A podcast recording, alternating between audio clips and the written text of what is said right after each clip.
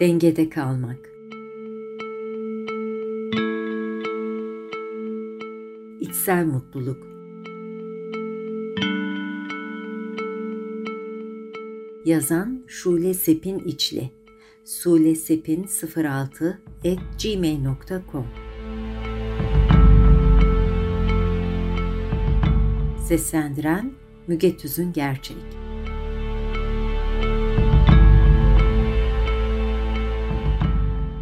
Yıllar önce arkadaşlarla evlilik üzerine konuşurken evleneceğimiz kişilerde aradığımız özelliklerden söz açıldı.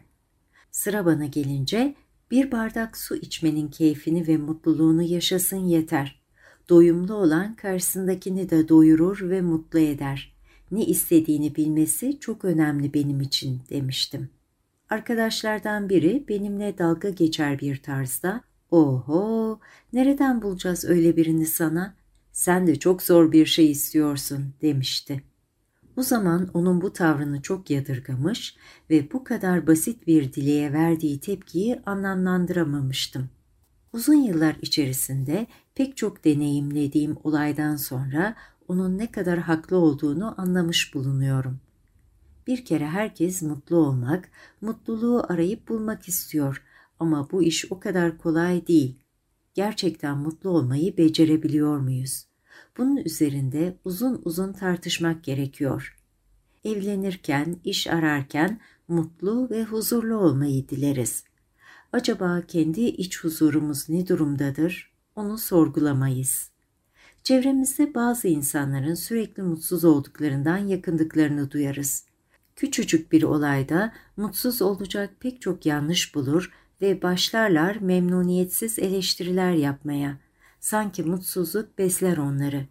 Yaşadıkları olayların iyi yönlerini saymak, daha doğrusu düşünmek akıllarına bile gelmez. Toplumsal olarak da olumsuza, mutsuzluğa yönelme gibi bir eğilimimiz var. Gerçekten mutsuzsak, içinde bulunduğumuz durumu değiştirme olanağımız varsa bu alanı terk edelim. Buna tamamım. Değiştiremeyeceğimiz bir alandaysak yapabileceklerimizin üzerine gitmemiz gerekiyor. Tanık olduğum bir örneği anlatırsam ne demek istediğimi daha iyi anlatacağım sanırım.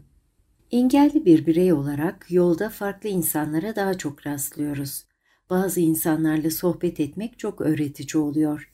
Yine elimde poşetlerle alışverişten eve döndüğüm bir gün arkamda el arabasının tekerlek gıcırtısının kaldırımları tırmaladığı sesini duydum.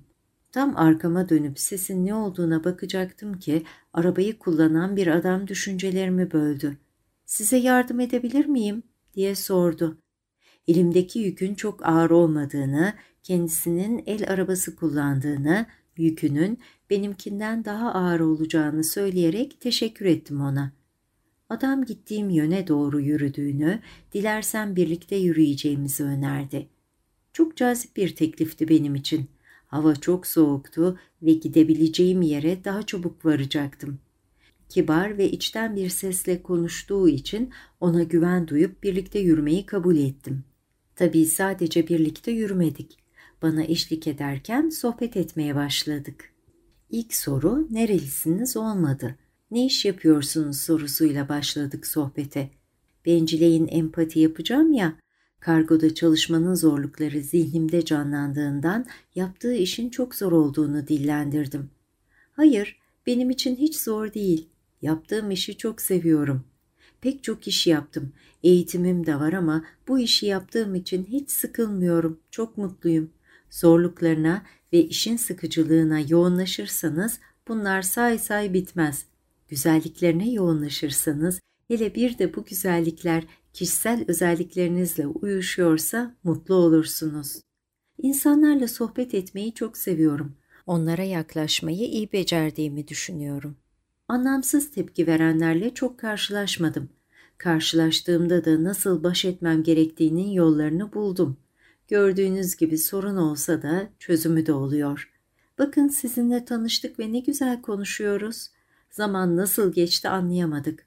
İletişim konusunda pek çok kitap okudum ve okuduklarımı anlayarak içselleştirmeye çalışıyorum, dedi. Gerçekten zaman akıp gitmişti. Evimin önüne gelmeyi hiç istememiştim. Aklıma yolda yaptığım farklı sohbetler geldi. Eşlerinden, çocuklarından, işlerinden, hatta insanların duyarsızlıklarından yakınan insanların konuşmaları. Çok mutsuz yüzlerdi onlar. Bu adam da çalışıyordu ama iç dünyasında doyum vardı, mutlu olmak vardı. Tamamen pembe bir dünya çizmiyordu. Sorunlar vardı ona göre ama baş etme yöntemleri, çözümler de vardı. Elbette bizi mutsuz eden olaylar başımıza geliyor. O zamanlarda kendimizi çok mutsuz hissediyoruz. Bu çok doğal. Zaman gereğinden fazla uzar ve biz hala aynı noktadaysak bu üzerinde durulacak bir durum. Ne aradığımızı, ne istediğimizi bilmek bana göre içsel mutluluğun anahtarı. Mutlu olmasını bilmek bir yaşam tarzı. Çok sevdiğimiz iki kişiye hediye aldığımızı düşünelim. Biri gülümseyerek hediyeyi alıyor ve teşekkür ediyor. Yani halinden memnun. Diğeri ise neden aldın bu hediyeyi? Çok zahmet etmişsin. Çok para harcamışsındır bu hediye için. Bunu geri ver istersen, diyor. Mutsuz olmak için bahane üretmeye üzerine yok. Bu örnekler abartı gelebilir belki. En azından ben tanık oldum bunlara. Mutlu olmak ya da mutsuz olmak genel anlamda içimizden gelen birikimlerimizin, deneyimlerimizin ürünü. Her şeyden mutsuz olma tarzımız varsa bunları irdeleyebilir ve sorgulayabiliriz. Farkına vardığımız özelliklerimizi tam olarak değiştiremeyiz belki ama bunu bilmek bile çok çok değerli. Bir kez mutsuzluğu mutluluğa dönüştürebilirsek kendimizi kutlayalım. Deneyecekleri şimdiden kutluyorum. 14 Ocak 2024